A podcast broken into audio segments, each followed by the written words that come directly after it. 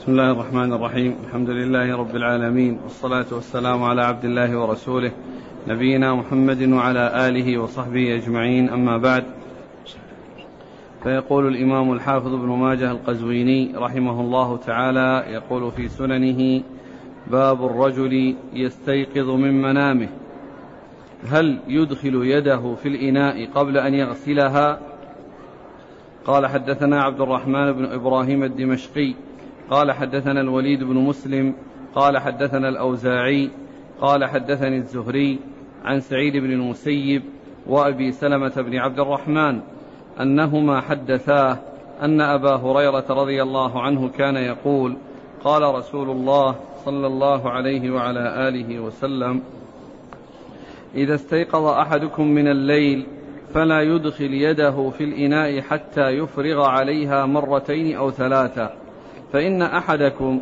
لا يدري فيما باتت يده. بسم الله الرحمن الرحيم. الحمد لله رب العالمين وصلى الله وسلم وبارك على عبده ورسوله نبينا محمد وعلى آله وأصحابه أجمعين. أما بعد يقول الإمام ماجه رحمه الله باب إذا استيقظ من نومه هل يدخل يده في الإناء؟ قبل أن يغسلها. قبل أن يغسلها.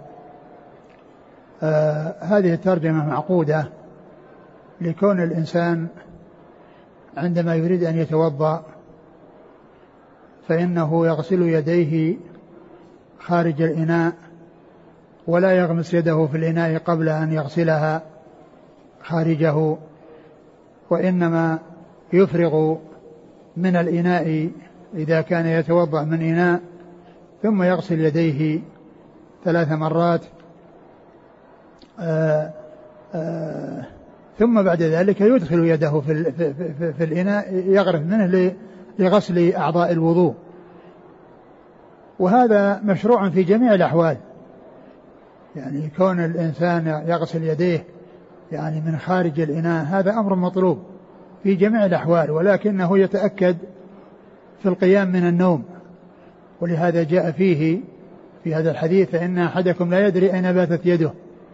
يعني أنها قد تكون وقعت على نجاسة قد يكون يعني في في نومه لمس يعني فرجه ويكون فيه شيء من بقايا الاستجمار فيكون بذلك حصل ليده شيء من النجاسة. وهذا يعني أمر محتمل لأن قول لا يدري أين باتت يده. فلكن السنة جاءت بكون الإنسان يفعل هذا الفعل. ولهذا جاء النهي عن غمسها بالإناء قبل أن يغسلها ثلاثا. وكما قلت إن الغسل قبل الدخول إدخال اليد في الإناء هذا أمر مستحب في جميع الأحوال سواء كان من نوم أو غير نوم. وذلك لتنظيف اليد وكونها إذا أدخلت في الإناء تكون نظيفة. وإن لم يكن ذلك من نجاسة إلا أن هذا من الكمال ومن الآداب الحسنة والأعمال الطيبة. كون الإنسان يستعمل أعضاء الوضوء أو يغسل أعضاء الوضوء بعد أن يكون غسل يديه في غير الماء الذي يتوضأ منه ولكنه يتأكد في ما إذا قام من من النوم ولا سيما نوم الليل الذي يطول الذي يطول ويعني يستغرق فيه الإنسان بالنوم. و فجاءت السنة عن رسول الله عليه الصلاة والسلام بالنهي عن غمسها بالإناء قبل أن يغسلها. فدل ذلك على أن الإنسان إذا قام من نومه فإنه يغسلها قبل أن يدخلها في الإناء. وجاء يعني ثلاثا أو مرتين يعني مرتين أو ثلاثا وقد جاء التنصيص على الثلاث. ف وهذا هو ال- الذي ينبغي للإنسان أن يفعله. نعم. قال حدثنا عبد الرحمن بن إبراهيم الدمشقي. هو الملقب دحيم ثقة أخرج له. البخاري وأبو داود والنسائي وابن ماجه. نعم. عن الوليد بن مسلم. وهو ثقة أخرج أصحاب الكتب. عن الأوزاعي. محمد عبد عبد الرحمن بن عمرو الأوزاعي ثقة أخرج أصحاب الكتب. عن الزهري. عن الزهري محمد بن مسلم بن عبد الله ثقة أخرج أصحاب الكتب. عن سعيد بن سعيد المسيب. ثقة أخرج أصحاب الكتب وأحد فقهاء المدينة السبعة في عصر التابعين.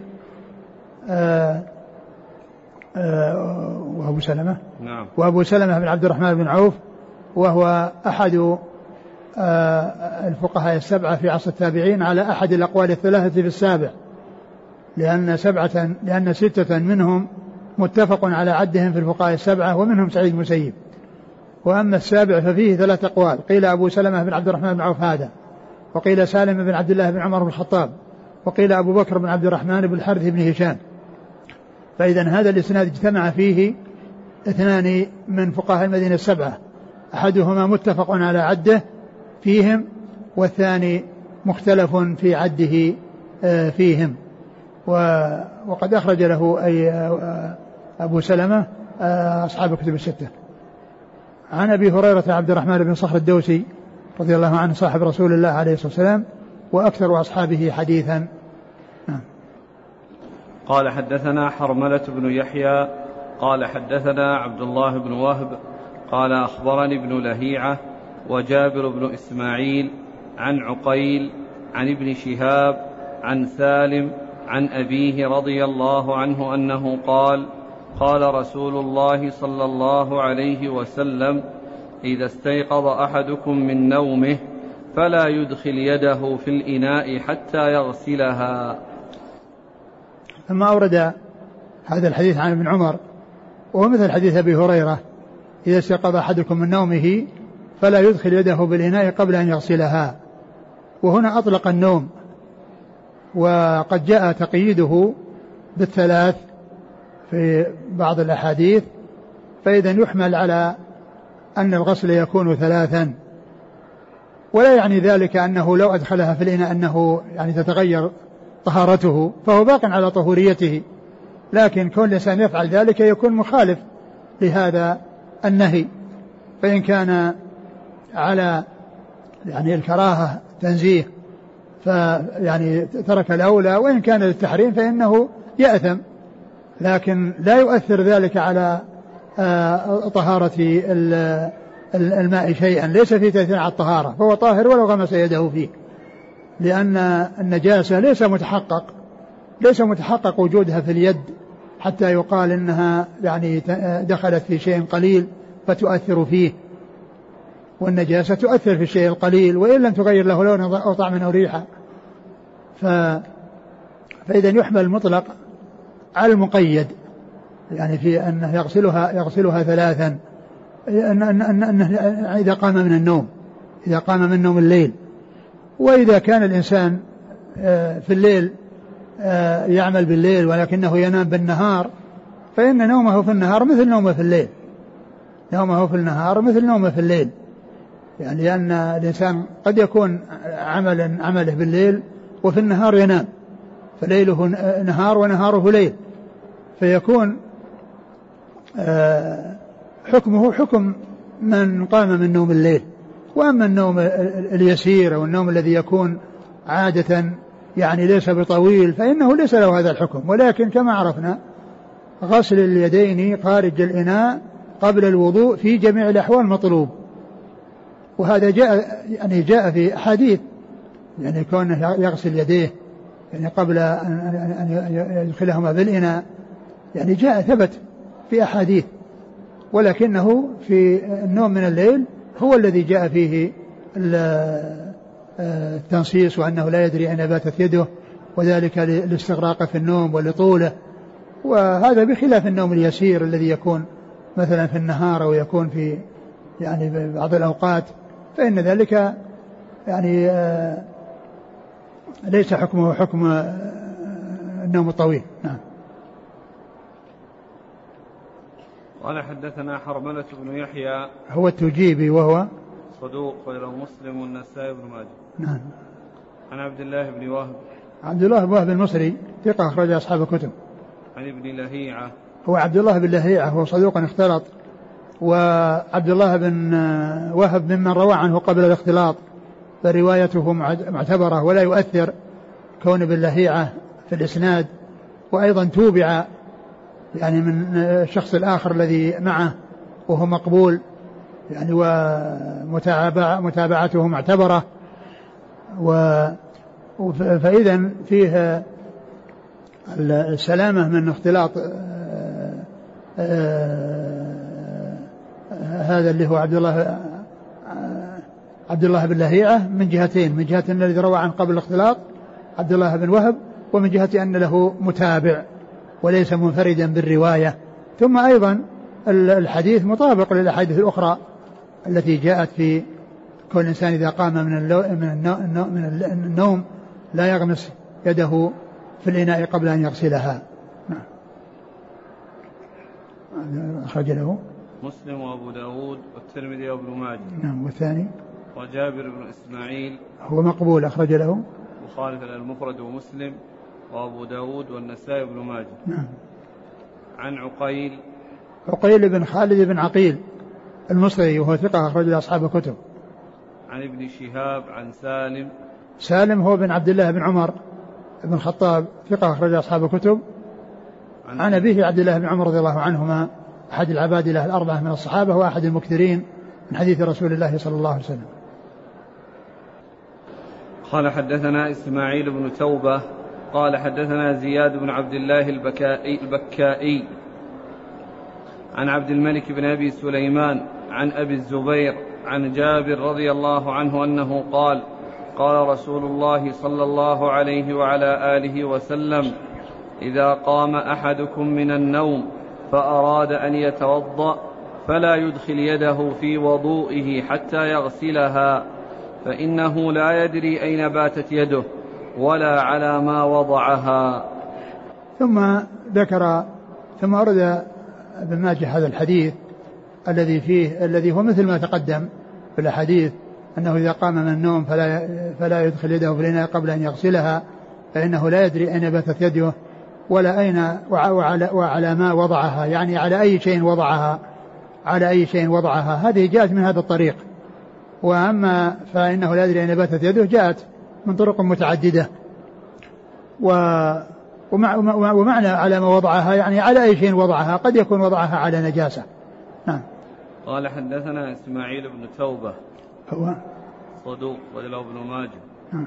عن زياد بن عبد الله البكائي. وهو؟ صدوق وفي حديثه عن غير ابن إسحاق لين. نعم.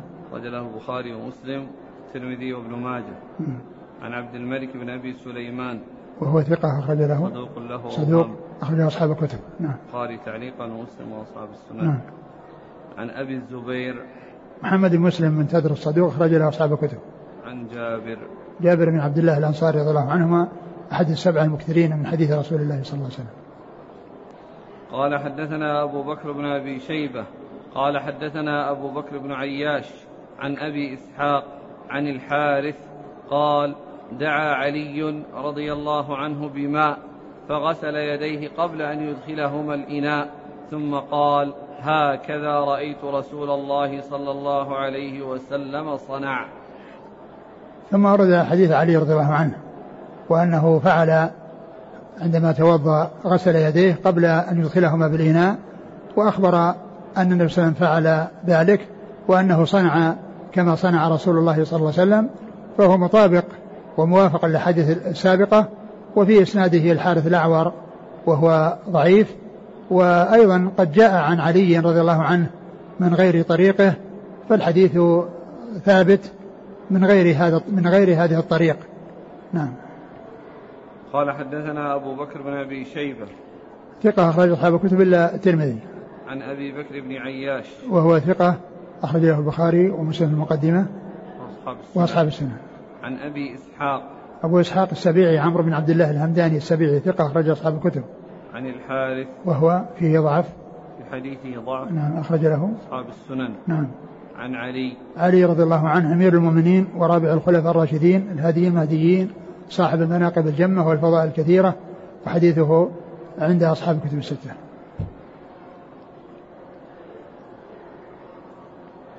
يقول السائل عندما أتوضأ من المغسلة هل أغسل يدي قبل أن أتوضأ بعد أن أستيقظ من النوم؟ نعم لأنها يغسلها لأنها يعني حتى تكون نظيفة قبل أن تأتي إلى وجهه وإلى يديه. لأن هذا لأن الغسل من من من, من الصنبور آه، مثل الغسل من الإناء إلا أن الإناء يفرغ وهذا يغسل يديه قبل أن يستعملها في غسل الأعضاء.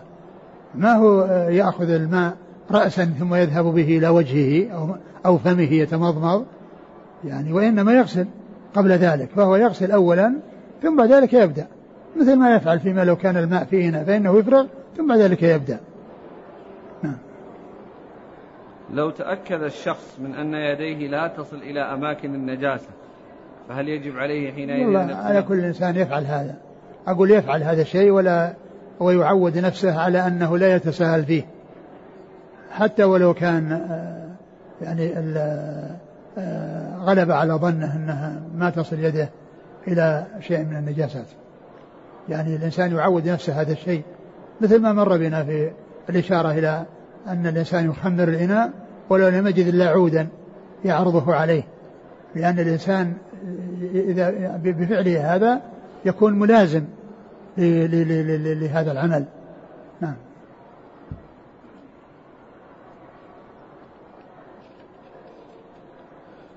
قال رحمه الله تعالى باب ما جاء في التسمية في الوضوء. قال حدثنا أبو كريب محمد بن العلاء. قال حدثنا زيد بن الحباب حا قال وحدثنا محمد بن بشار.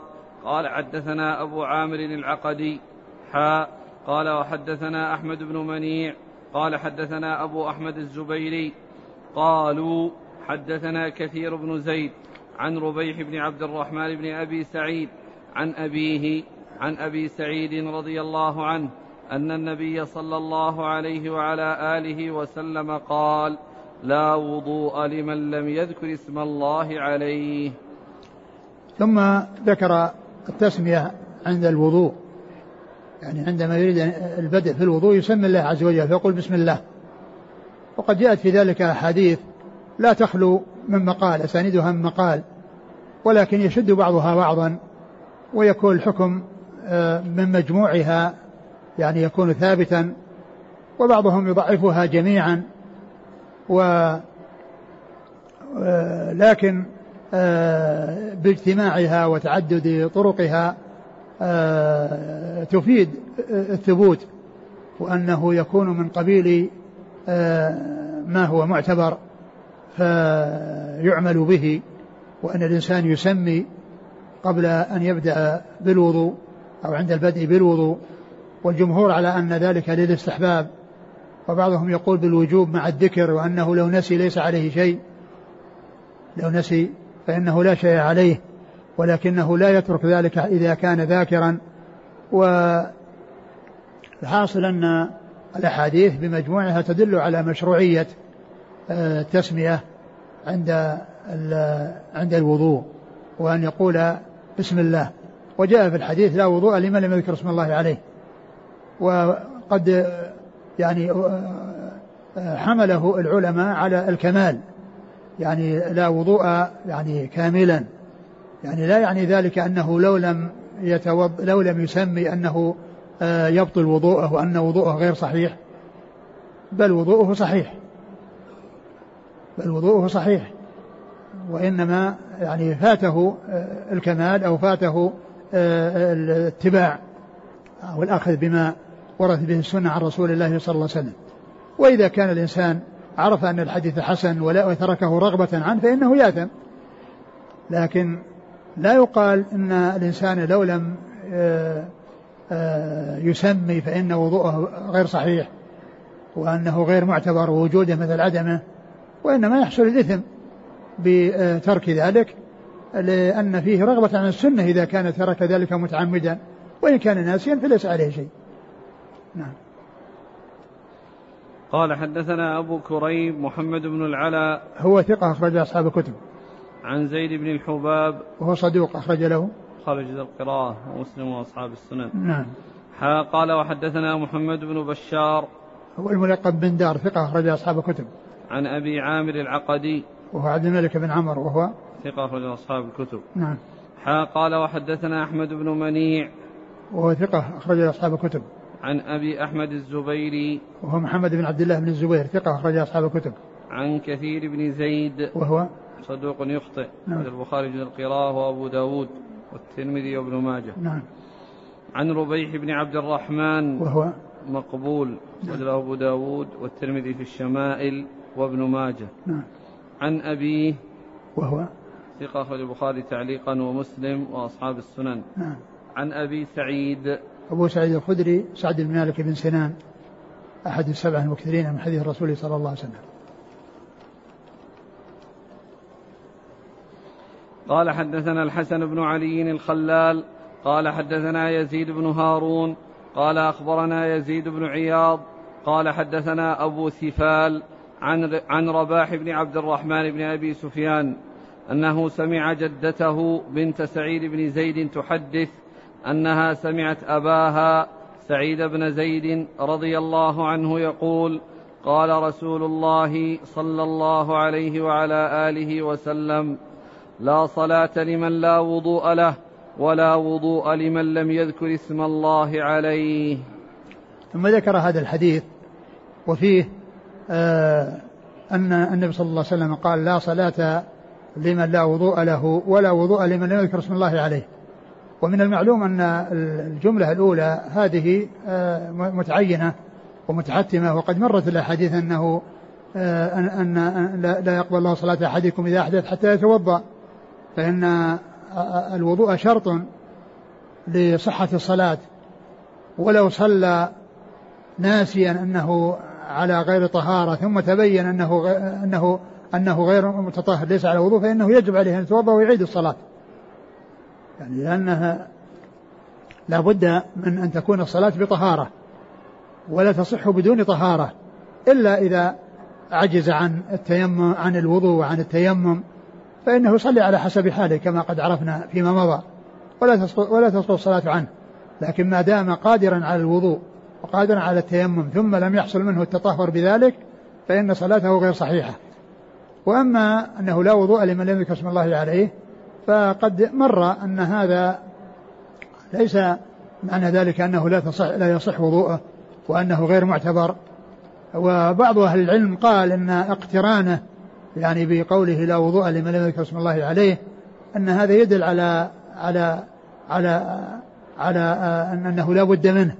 ولكن كما كما كما عرفنا دلالة الاقتران أو كونه اقترن بشيء محقق بأنه شرط لا لا صلاة إلا به لا يعني ذلك أن كل الأشياء المقترنة تكون على حد سواء أو تعطى حكم بعضها يعطى حكم بعض. فإنها قد تأتي مجتمعة وهي متفرقة في الحكم مثل ما مر بنا في حديث الفطرة فيها ما هو واجب وفيها ما هو مستحب. يعني جمع بينها وقرن بينها وفيها ما هو واجب وفيها ما هو مستحب. نعم.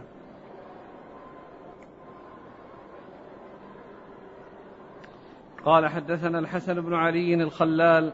هو الحلواني وهو ثقة أخرج أصحاب الكتب إلا أبا داود. إلا النسائي. إلا النسائي نعم. عن يزيد بن هارون. هو ثقة أخرج أصحاب الكتب. عن يزيد بن عياض. وهو؟ كذبه مالك وغيره. نعم. وله الترمذي وابن ماجه. نعم. عن أبي ثفال وهو؟ مقبول. وله الترمذي وابن ماجه. نعم. عن رباح بن عبد الرحمن بن أبي سفيان. وهو؟ مقبول. وله الترمذي وابن ماجه. نعم. عن جدته بنت سعيد بن زيد. وهي؟ يقال لها صحبة. نعم. وجل الترمذي وابن ماجه. نعم. عن أبيها سعيد بن زيد. سعيد بن زيد أحد العشرة المبشرين بالجنة رضي الله عنه وحديثه أخرجه أصحاب الكتب الستة. والعشرة المبشرين بالجنة كلهم حديثهم عند أصحاب الكتب الستة. نعم. قال حدثنا أبو كريب وعبد الرحمن بن إبراهيم قال حدثنا ابن أبي فديك قال حدثنا محمد بن موسى بن أبي عبد الله عن يعقوب بن سلمة الليثي عن أبيه عن أبي هريرة رضي الله عنه أنه قال قال رسول الله صلى الله عليه وعلى آله وسلم لا صلاة لمن لا وضوء له ولا وضوء لمن لم يذكر اسم الله عليه. وهذا مثل الذي قبله. نعم. قال حدثنا أبو كريب وعبد الرحمن بن إبراهيم نعم. عن ابن أبي فديك وهو صدوق وله أصحاب الكتب. نعم. عن محمد بن موسى بن أبي عبد الله. وهو الفطري نعم. صدوق. أخرج له مسلم وأصحاب السنن. نعم. عن يعقوب بن. يعقوب بن سلمة بن سلمة الليثي. وهو مجهول الحال. نعم. وله أبو داود بن ماجه. عن أبيه. وأبوه. كذلك لين الحديث أخرج له أبو داود بن ماجه. نعم. عن أبي هريرة. نعم.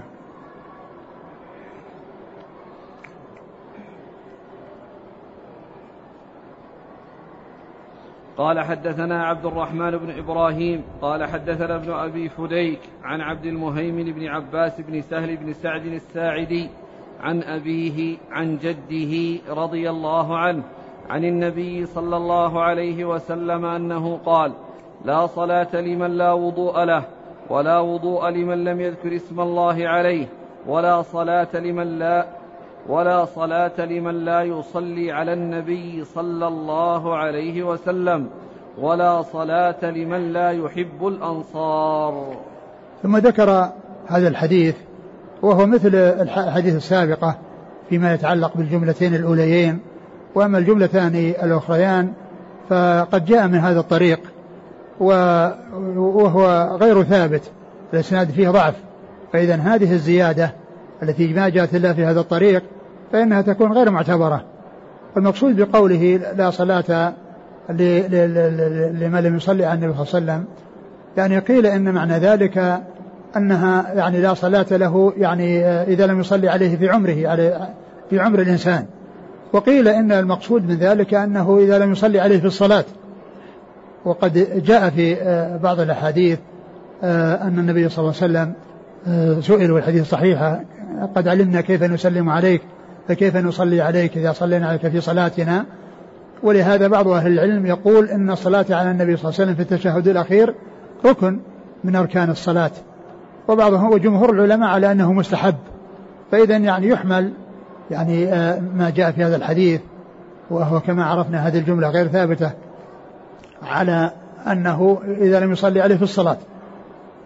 وأما الجملة الثانية ولا صلاة لمن لا يحب الأنصار. لمن لا يحب الأنصار يعني لأن الأنصار آه، هم الذين نصروا الرسول صلى الله عليه وسلم ومحبتهم من الإيمان. ولكن إذا كان إذا كان الإنسان يبغضهم من أجل الصحبة من أجل النصرة فإن هذا نفاق. ويعني آه، إذا كان من أجل نصر الرسول هذا نفاق وليس والمنافق ليس له صلاة ولا يصح منه صلاة فإذا هذا يحمل على هذا لو ثبت. ولكن هو غير ثابت. ومعلوم أن أن أن أنه جاء في بعض الأحاديث كما سبق أن مر آه، آه، يعني علامة الإي- الإيمان حب الأنصار. وعلامة النفاق بغض الأنصار. وهذا إذا كان بغضهم من أجل النصرة من أجل أنهم نصروا الرسول صلى الله عليه وسلم وكانوا من أسباب ظهور دينه وأن أن- أنهم آه، دينه ظهر بحصول نصرة الأنصار له. ومن المعلوم أن المهاجرين مثل الأنصار لأن هذا الوصف موجود عندهم وزيادة. فعندهم النصرة وعندهم الهجرة. فمن أبغض الأنصار لنصرتهم للرسول صلى الله عليه وسلم فإن هذا منافق. والمنافق ليس له عمل. يعني ليس لا يقبل له عمل. لأنه عنده ال ال ال ال الإسلام في الظاهر والكفر في الباطن. وأما إذا كان في النفوس شيء يعني بين الصحابة أو من أجل أمور طارئة ومن أجل أمور آه، حصلت لا علاقة لها بالنصرة والصحبة فإن ذلك لا يقال إن, إن, إن, إن من كان كذلك يكون منافقا وإنما هذا للأمر الطارئ. والعلماء ذكروا أن ذلك لا يؤثر ولا يقدح في صاحبه يعني كونه في نفسه على بعض الأنصار شيء من أجل أمر من أمور الدنيا أو من أجل يعني أمر لا علاقة له بنصرة الرسول صلى الله عليه وسلم. وإنما المحذور فيما إذا كان من أجل النصرة لأن هذا يفيد أنه نفاق. نعم. قال حدثنا عبد الرحمن بن إبراهيم عن ابن أبي فديك عن عبد المهيمن بن عباس بن سهل. وهو؟ ضعيف وله الترمذي وابن ماجه. نعم. عن أبيه. نعم وهو؟ ثقة أخرجه أصحاب الكتب إلا النسائي. نعم. عن جده سهل بن سعد الساعدي. وهو صحابي رضي الله عنه أخرج أصحاب الكتب. ألا تحمل الصلاة ولا صلاة لمن لا يصلي على النبي صلى الله عليه وسلم؟ بمعنى الدعاء آه، يمكن أن تحمل ولكن آه، قد يكون المقصود منه أنه لم يصلي عليه في الصلاة. قال أبو الحسن بن سلمة حدثنا أبو حاتم قال حدثنا عبيس بن مرحوم العطار قال حدثنا عبد المهيمن بن عباس فذكر نحوه. نعم. قال أبو حاتم أبو حاتم هو محمد بن إدريس وهو ثقة أخرج له. البخاري وأبو داود والنسائي نعم. وابن ماجه في التفسير. نعم. عبيس بن مرحوم العطار. هو؟ ما وجدت له ترجمة في التقريب. عن عبد المهيمن بن عباس. شو اسمه؟ عبيس؟ اي ما له ترجمة؟ وجدت شيء؟ إنه ذكر هنا عبيس بن ميمون التيمي. ما قال عطار؟ لا أبو عبيدة الخزاز البصري. آه نعم العطار. إيه؟ لكن عبيس بن مرحوم. إيه؟ وأخرج له ابن ماجه من الثامنة. إيه هذا يصير من الثامنة من ناحية لأنه شيخ أبو حاتم. قد يكون هذا وقد يكون غيره. يقول نعم. لعله يقول يقول ان هذا لقب مشهور في عيسى. إيه يمكن.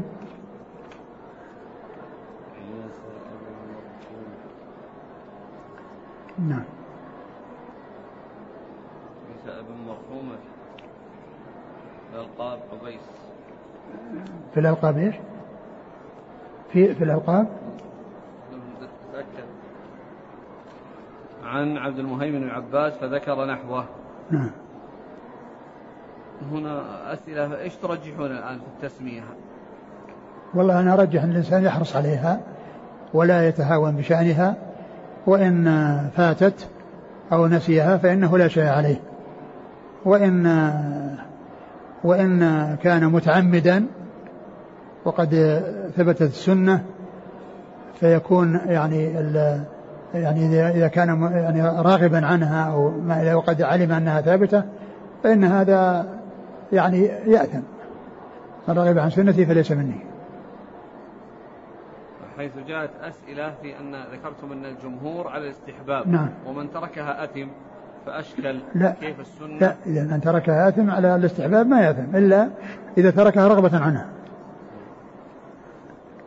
إذا تركها رغبة عنها هو الذي يأثم. كذلك الأسئلة على أن أكثر ما يحصل الآن الوضوء في بيت الخلاء. فهل تكفي التسمية؟ نعم تكفي التسمية عند الدخول. السرية. لا لا ما إيش معنى السرية؟ لأن الكلام لأن ال ال ال الكلام بتحريك اللسان سواء كان سرا أو جهرا هذا قال له كلام. وأما حديث القلب أو شيء في القلب هذا ما قال له كلام. وإنما يسمي إذا كان الوضوء المغسلة التي يتوضأ فيها داخل محل الوضوء فإنه يسمي عند الدخول ويكفي. هذا الأخ يريد أن يقيس التسمية في الوضوء على التسمية في الطعام. من نسيه في أوله يقول بسم الله وله آخر. نعم بس هذا ما يعني هذا ما يعني إذا نسي عند الدخول إذا نسي عند الدخول فإنه لا يأتي به في محل من الداخل يعني إذا كان في غير الخلاء. توضأ في خارج الخلاء ونسي أن يذكر التسمية في أول وضوء آه يعني ذكرها في الأثناء أي. ما في بس يسمى. يقول بسم الله أول آخر. لا ما يقول أول آخر يقول بسم الله. آه. لأنه أوله وآخره جاءت في الطعام ما جاءت في, في الوضوء. يقول حمل الحديث على نفي الكمال عدول عن الحقيقة إلى المجاز إذ الحقيقة حمله على نفي الصحة والعدول عنها يحتاج إلى قرينة قرر نحوه القنوجي في روضته فإن صح التقرير فما القرينة؟ آه لأن كان كون هذا من الآداب ومن الأشياء التي هي من جملة الآداب. نعم. قال رحمه الله تعالى باب التيمم باب التيمم في الوضوء. قال حدثنا هناد بن السري قال حدثنا أبو الأحوص عن أشعث بن أبي الشعثاء حاء قال وحدثنا سفيان بن وكيع قال حدثنا عمر بن عبيد الطنافسي عن أشعث بن أبي الشعثاء عن أبيه عن مسروق عن عائشة رضي الله عنها أن رسول الله صلى الله عليه وعلى آله وسلم كان يحب التيامن في الطهور إذا تطهر وفي ترجله إذا ترجل وفي انتعاله إذا انتعل. باب؟ التيمن في الوضوء. باب التيمن في الوضوء. يعني كل إنسان يبدأ باليمين في وضوءه بمعنى أنه يغسل اليد اليمنى قبل اليد اليسرى. والرجل اليمنى قبل الرجل اليسرى. و آه، فكان يعجبه التيامن في في طهوره يعني في كونه عندما يتطهر يبدأ باليمين قبل الشمال وفي ترجله يعني تسريع شعره يبدأ باليمين قبل الشمال وكذلك أيضا في آه، حلق الرأس يعني جاء أنه يبدأ باليمين قبل الشمال يعني فيبدأ يعني باليمين في كل أمور في, في كل الأمور المستحسنة. يعني آه، يبدأ باليمين قبل الشمال. وأما بخلاف ذلك يعني مثل خروج المسجد أو مثل دخول آه، بيت الماء فإنه يبدأ بالشمال وكذلك يستعمل يعني وكذلك آه، خلع النعال يعني يخلع الشمال قبل اليمين. فالحاصل أن ما كان من من باب الشيء الذي فيه تكريم وفيه يعني تحسين هذا يكون يبدأ باليمين. والبدء بالطهور أو التيمم في الطهور هو آه، مستحب. ولو حصل أنه بدأ بالشمال قبل اليمين في مثلا يده فإن وضوءها صحيح فإن وضوءه صحيح. وقد نقل بعضهم الإجماع على ذلك. يعني فيكون البدء باليمين ليس من الأشياء اللازمة المتحتمة التي آه، يصير الوضوء في خلل لو حصل بها. بل لو بدأ بالشمال ثم أتى بعدها باليمين آه، ناسيا مثلا فإنه ليس عليه شيء. ولكن التعمد لا ينبغي أن يتعمد أن يترك أن يبدأ باليمين لأن هذا هو الذي كان يعجب الرسول عليه الصلاة والسلام أنه يبدأ باليمين في الأمور التي فيها تكريم وفيها يعني آه، آه، أمور مستحسنة. بخلاف الشمال فإنها بخلاف ذلك. وهذا بالنسبة للطهور يعني في الأمور التي يعني يكون فيها تعاقب يعني فيه يد يد ورجل رجل. لكن بالنسبة لمسح الأذنين ومسح الرأس وغسل الوجه يعني آه، فإنه يكون مرة واحدة. اليد اليمنى واليد اليسرى كلها تعمل ويعني يكون آه، في آن واحد غسل العضو اليمين على اليمين والشمال على الشمال وكذلك مسح الأذنين. يمسحان في آن واحد مو بتمسح الأذن اليمنى وإذا فرغ منها يروح لليسرى وإنما يكون في وقت واحد.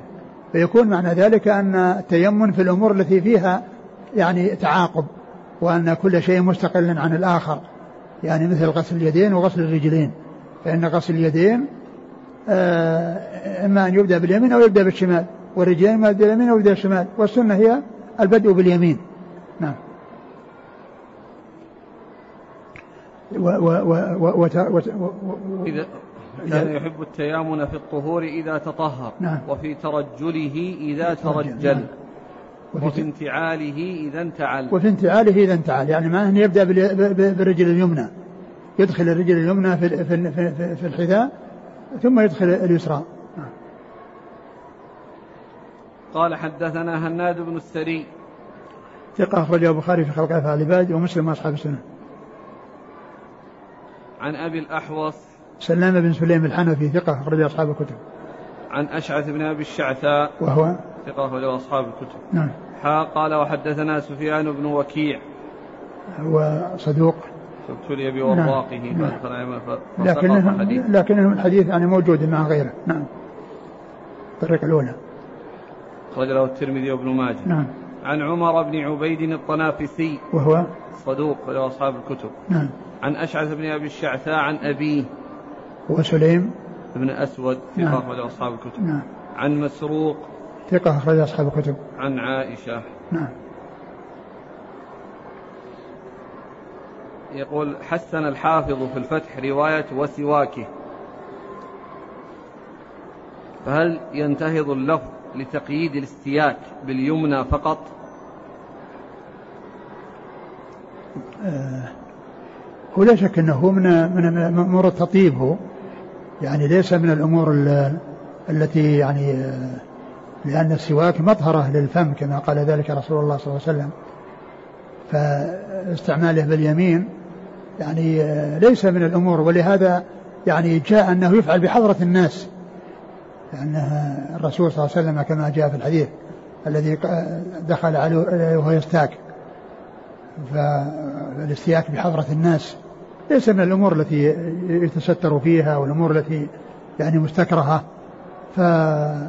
فاستعماله يعني في اليمين يعني لأنه باب التطهير وباب التطيب ليس من قبيل استعمال اليد اليسرى مثلا في الانتثار الانتثار من أو الإخراج يعني ما في الأنف فإنه يستعمل اليسرى ولا يستعمل اليمنى. نعم يمكن. نعم. قال حدثنا محمد بن يحيى قال حدثنا أبو جعفر النفيلي قال حدثنا زهير بن معاوية عن الأعمش عن أبي صالح عن أبي هريرة رضي الله عنه أنه قال قال رسول الله صلى الله عليه وعلى آله وسلم إذا توضأتم فابدأوا بميامنكم. نعم ثم أورد هذا الحديث إذا توضأتم فابدأوا بميامنكم. يعني معناه أنه يبدأ بال باليد اليمنى قبل اليد اليسرى والرجل اليمنى قبل الرجل اليسرى. يعني هذه السنة. لكن لو حصل العكس فإنه آه، يصح وذلك بالإجماع. نعم. قال حدثنا محمد بن يحيى. هو الذهلي ثقة أخرج أصحاب الكتب. إلا ابن إلا مسلم. لا نعم لا مسلم نعم. عن أبي جعفر النفيلي هو. عبد الله بن محمد ثقة أخرجه البخاري وأصحاب السنن. نعم. عن زهير بن معاوية وهو؟ ثقة أخرج أصحاب الكتب. نعم. عن الأعمش نعم. عن أبي صالح. أبو صالح ذكوان السمان ثقة أخرج أصحاب الكتب. عن أبي هريرة. نعم. قال أبو الحسن بن سلمة حدثنا أبو حاتم قال حدثنا يحيى بن صالح وابن نفيل وغيرهما قالوا حدثنا زهير فذكر نحوه. نعم. قال أبو حسن بن سلمة حدثنا أبو حاتم عن يحيى بن صالح. هو؟ صدوق رجل أصحاب الكتب إلا النسائي. نعم. وابن نفيل وغيرهما. نعم. يقول السائل هل الذي يبدأ بالشمال في الطهور متعمدا يكون آثما؟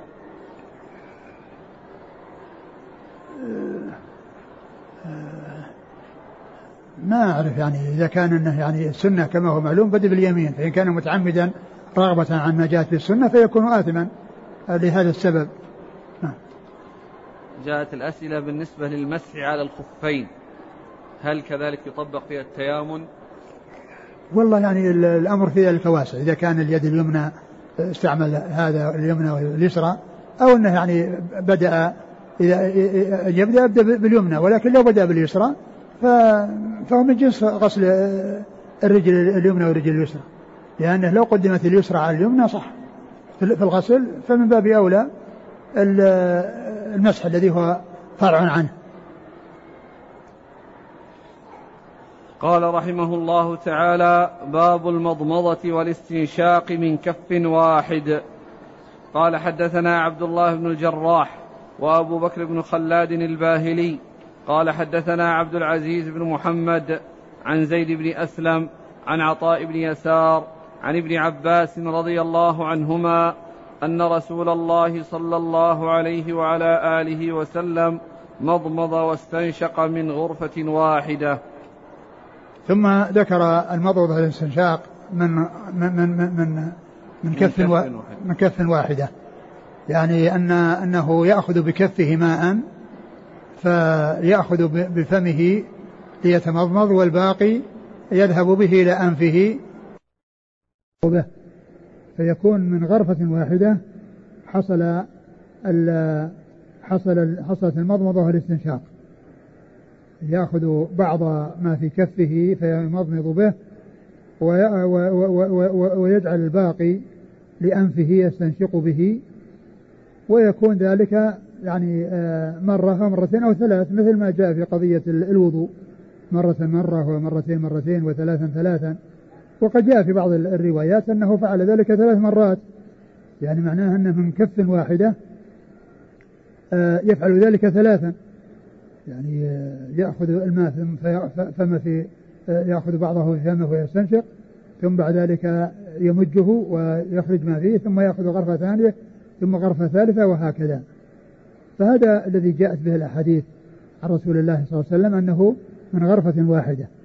وهذا فيه اقتصاد في الماء يعني وعدم يعني آه، آه، إسراف فيه أو إكثار منه لأن المقصود يحصل بالغرفة يكون فيها هذا وهذا. نعم. قال حدثنا عبد الله بن الجراح.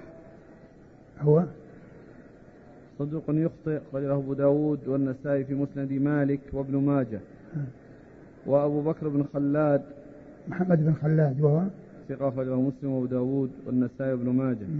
عن عبد العزيز بن محمد. هو ثقة أخرج أصحاب صدوق أخرج أصحاب الكتب.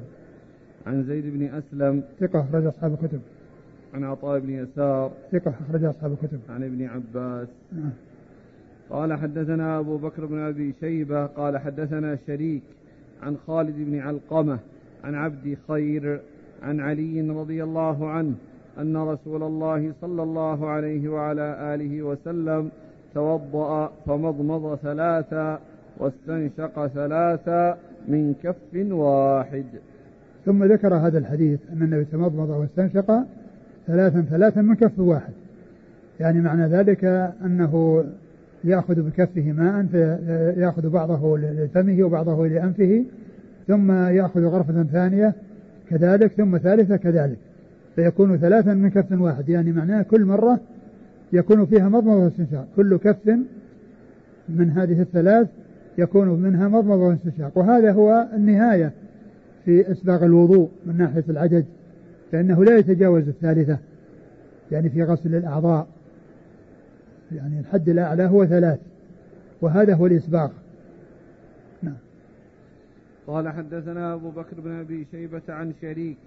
هو النخعي الكوفي وهو صدوق أخرجه البخاري تعليقا ومسلم وأصحاب السنة.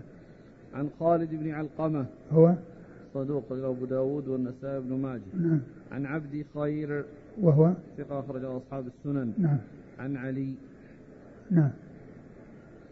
قال حدثنا علي بن محمد قال حدثنا أبو الحسين العكلي عن خالد بن عبد الله عن عمرو بن يحيى عن أبيه عن عبد الله بن زيد الأنصاري رضي الله عنه أنه قال أتانا رسول الله صلى الله عليه وعلى آله وسلم فسألنا وضوءا فأتيته بماء فمضمض واستنشق من كف واحد. ثم ذكر حديث عبد الله بن زيد وأن الرسول صلى الله عليه وسلم لما توضأ مضمض واستنشق من كف واحد. فكل هذه الأحاديث متفقة على أن المضمضة والاستنشاق تكون من كف واحدة. وهذا هو المستحب وهو الذي جاءت به الأحاديث. لكن لو حصل أن أن أنه آه، آه، تمضمض من كف واستنشق من كف فإن ذلك جائز.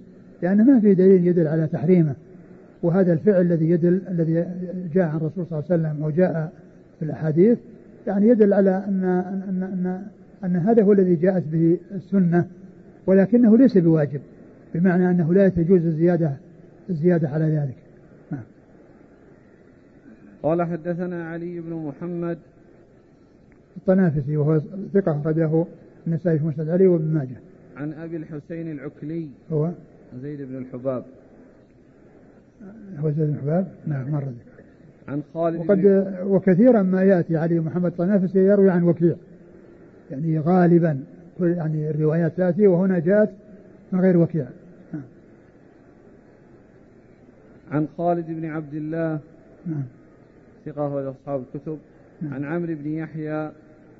ثقة أخرج أصحاب الكتب. نعم. عن أبيه. رضي الله عنه أخرج له؟ لا قبل. قبله؟ يحيى هذا يحيى بن عبد الله. آه. ثقة أخرج أصحاب الكتب. نعم. عن عبد الله بن زيد الأنصاري. أخرج له. أصحاب الكتب. نعم. قال رحمه الله تعالى باب المبالغة في الاستنشاق والاستنثار. قال حدثنا أحمد بن عبده. قال أخبرنا حماد بن زيد عن منصور. حا. قال وحدثنا أبو بكر بن أبي شيبة. قال حدثنا أبو الأحوص عن منصور. عن هلال بن يساف عن سلمة بن قيس قال قال لي رسول الله صلى الله عليه وسلم إذا توضأت فانثر وإذا استجمرت فأوتر. ثم ذكر المبالغة في المضمضة والاستنشاق. المبالغة في الاستنشاق والاستنثار. نعم المبالغة في الاستنشاق والاستنثار. الاستنشاق هو جذب الماء إلى داخل الأنف والاستنثار هو إخراجه منه. الاستنشاق هو جذبه وإدخاله لتنظيف الأنف. ثم الاستنثار إخراجه. يعني بعدما يعني حصل دخول الماء ونظف فإن هذا الذي آه، حصل آه، تغيره أو آه، تغيره أو اختلاطه يعني بالأشياء التي يراد إخراجها فإنه يخرج. فيستنشق ثم يستنثر يعني يدخل الماء ويخرجه. فالمبالغة يعني في الاستنشاق هو كون الإنسان يعنى به بحيث يعني يخرج ما في أنفه من من الوسخ. يعني بهذا الاستنشاق بهذا الاستنشاق والاستنثار. إلا أنه جاء في بعض الأحاديث كما سيأتي إلا أن تكون صائما. لأن الإنسان إذا قد يعني يفعل ذلك ويبالغ فيذهب إلى حلقه. نعم. إذا توضأت فانثر وإذا استجمرت يعني فانثر. يعني بعد أن تستنشق. يعني أخرج ما في أنفك يعني يعني بالماء الذي دخل فيه ونظفه فأخرجه. وإذا استجمرت وإذا استجمرت فأوتر. نعم. هذا سبق أن مر.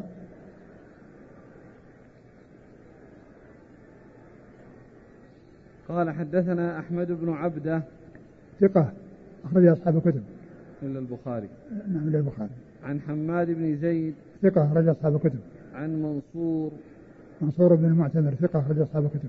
ها قال وحدثنا أبو بكر بن أبي شيبة عن أبي الأحوص عن منصور نعم. عن هلال بن يساف. وهو؟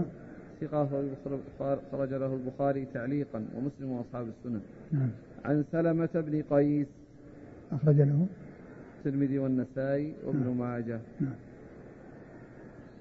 قال حدثنا أبو بكر بن أبي شيبة قال حدثنا يحيى بن سليم الطائفي عن إسماعيل بن كثير عن عاصم بن لقيط بن صبرة عن أبيه رضي الله عنه أنه قال قلت يا رسول الله أخبرني عن الوضوء قال أسبغ الوضوء وبالغ في الاستنشاق إلا أن تكون صائما. ثم يعني ذكر حديث لقيط بن صبر رضي الله عنه أنه جاء أنه قال للنبي صلى الله عليه وسلم أخبرني عن الوضوء. فقال يعني آه، آه، إذا أسبغ الوضوء. أسبغ الوضوء. أسبغ الوضوء يعني آه، كون الإنسان يأتي به على التمام والكمال. وذلك يكون بالعدد ويكون بالفعل. يكون بالعدد بأن يصل إلى ثلاث ويكون بالفعل بالدلك والعناية بدلك الأعضاء عند غسلها. فيكون الإسباغ هو هذا. ومن المعلوم أن الإجزاء يكون بمرة واحدة كافية يعني بحيث يأتي على العضو كله دون أن يبقى شيء منه لم يصل إليه الماء. وأما المبالغة فهي الزيادة في الاستعمال لا من ناحية العدد ولا من ناحية الكيفية. من ناحية الكمية والكيفية. الكمية لا تتجاوز الثلاث والكيفية بأن يكون يدلك يعني المكان الذي آه، آه، آه، يغسله. نعم. وقوله وبالغ في الاستنشاق. إلا أن تكون صائما يعني معناه أنه يبالغ في جذبه يعني بدخوله إلى أنفه حتى يصل إلى ما كل ما في الأنف فيخرج. إلا أن يكون صائما فإنه لا يبالغ المبالغة التي توصل الماء إلى حلقه. لأن الأنف منفذ إلى إلى إلى إلى, إلى الجوف ويذهب إلى يتصل بالحلق ولهذا آه، السعوط مثل الوجور يعني بالنسبة للصائم لا يستعمل السعوط يعني يستصعط مثل ما أنه لا يستعمل الوجور الذي يقطر في حلقه لا يستعمل السعوط الذي يكون في أنفه لأن الأنف منفذ ولهذا قال عليه الصلاة والسلام وبالغ في الاستنشاق إلا أن تكون صائما نعم. قال حدثنا أبو بكر بن أبي شيبة عن يحيى بن سليم الطائفي هو صدوق سيء الحفظ قبل نعم. أصحاب الكتب نعم. عن إسماعيل بن كثير وهو ثقة أخرج البخاري في المفرد وأصحاب السنن نعم. عن عاص بن لقيط بن صبرة وهو ثقة أخرج البخاري في المفرد وأصحاب السنن نعم. عن أبيه أخرج له. البخاري في المفرد وأصحاب السنن. نعم. قال حدثنا أبو بكر بن أبي شيبة قال حدثنا إسحاق بن سليمان حاء قال وحدثنا علي بن محمد قال حدثنا وكيع عن ابن أبي ذئب عن قارض بن شيبة عن أبي غطفان المري عن ابن عباس رضي الله عنهما أنه قال قال رسول الله صلى الله عليه وسلم استنثروا مرتين بالغتين أو ثلاثا. ثم ذكر هذا الحديث عن عباس استنثروا مرتين بالغتين يعني مبالغا فيهما أو ثلاثا. يعني وهذا هو الإسباغ يعني هذا هو إسباغ الوضوء أو هذا من إسباغ الوضوء. نعم. قال حدثنا أبو بكر بن أبي شيبة عن إسحاق بن سليمان. هو؟ ثقة أخرج أصحاب الكتب. نعم. قال وحدثنا علي بن محمد عن وكيع نعم.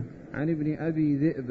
هو محمد بن إبراهيم بن مغيرة ثقة محمد بن عبد الرحمن. محمد, محمد بن عبد الرحمن بن مغيرة ثقة أخرج أصحاب الكتب. عن قارض بن شيبة. وهو؟ لا بأس به. نعم. أبو داود والنسائي وابن ماجه. نعم. عن أبي غطفان المري. وهو؟ ثقة أخرجه مسلم وأبو داود والنسائي وابن ماجه. نعم. عن ابن عباس. نعم.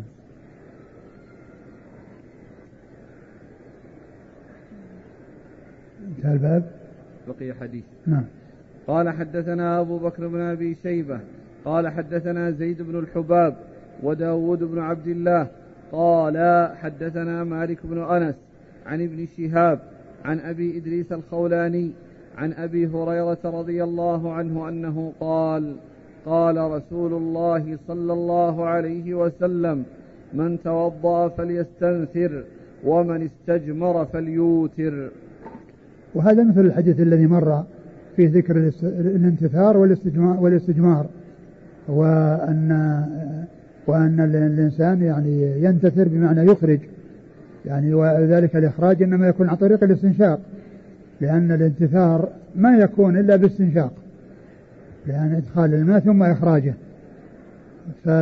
فينتثر يعني يخرج ما في أنفه من الأذى عن طريق هذا الفعل الذي هو الاستنشاق. و ومن استجمر فليوتر سبق أن مر نعم. قال حدثنا أبو بكر بن أبي شيبة عن زيد بن الحباب وداود بن عبد الله. هو؟ صدوق ربما أخطأ وله ما النسائي في مسند مالك وابن ماجه. نعم. عن مالك بن أنس. إمام دار الهجرة المحدث الفقيه أحد أصحاب المذاهب الأربعة المشهورة من مذاهب السنة وحديثه أخرجه أصحاب الكتب الستة. عن ابن شهاب عن أبي إدريس الخولاني وهو عائد الله ثقة أخرج أصحاب الكتب. عن أبي هريرة نعم. انتهى. والله تعالى أعلم وصلى الله وسلم وبارك على عبده ورسوله نبينا محمد وعلى آله وأصحابه أجمعين.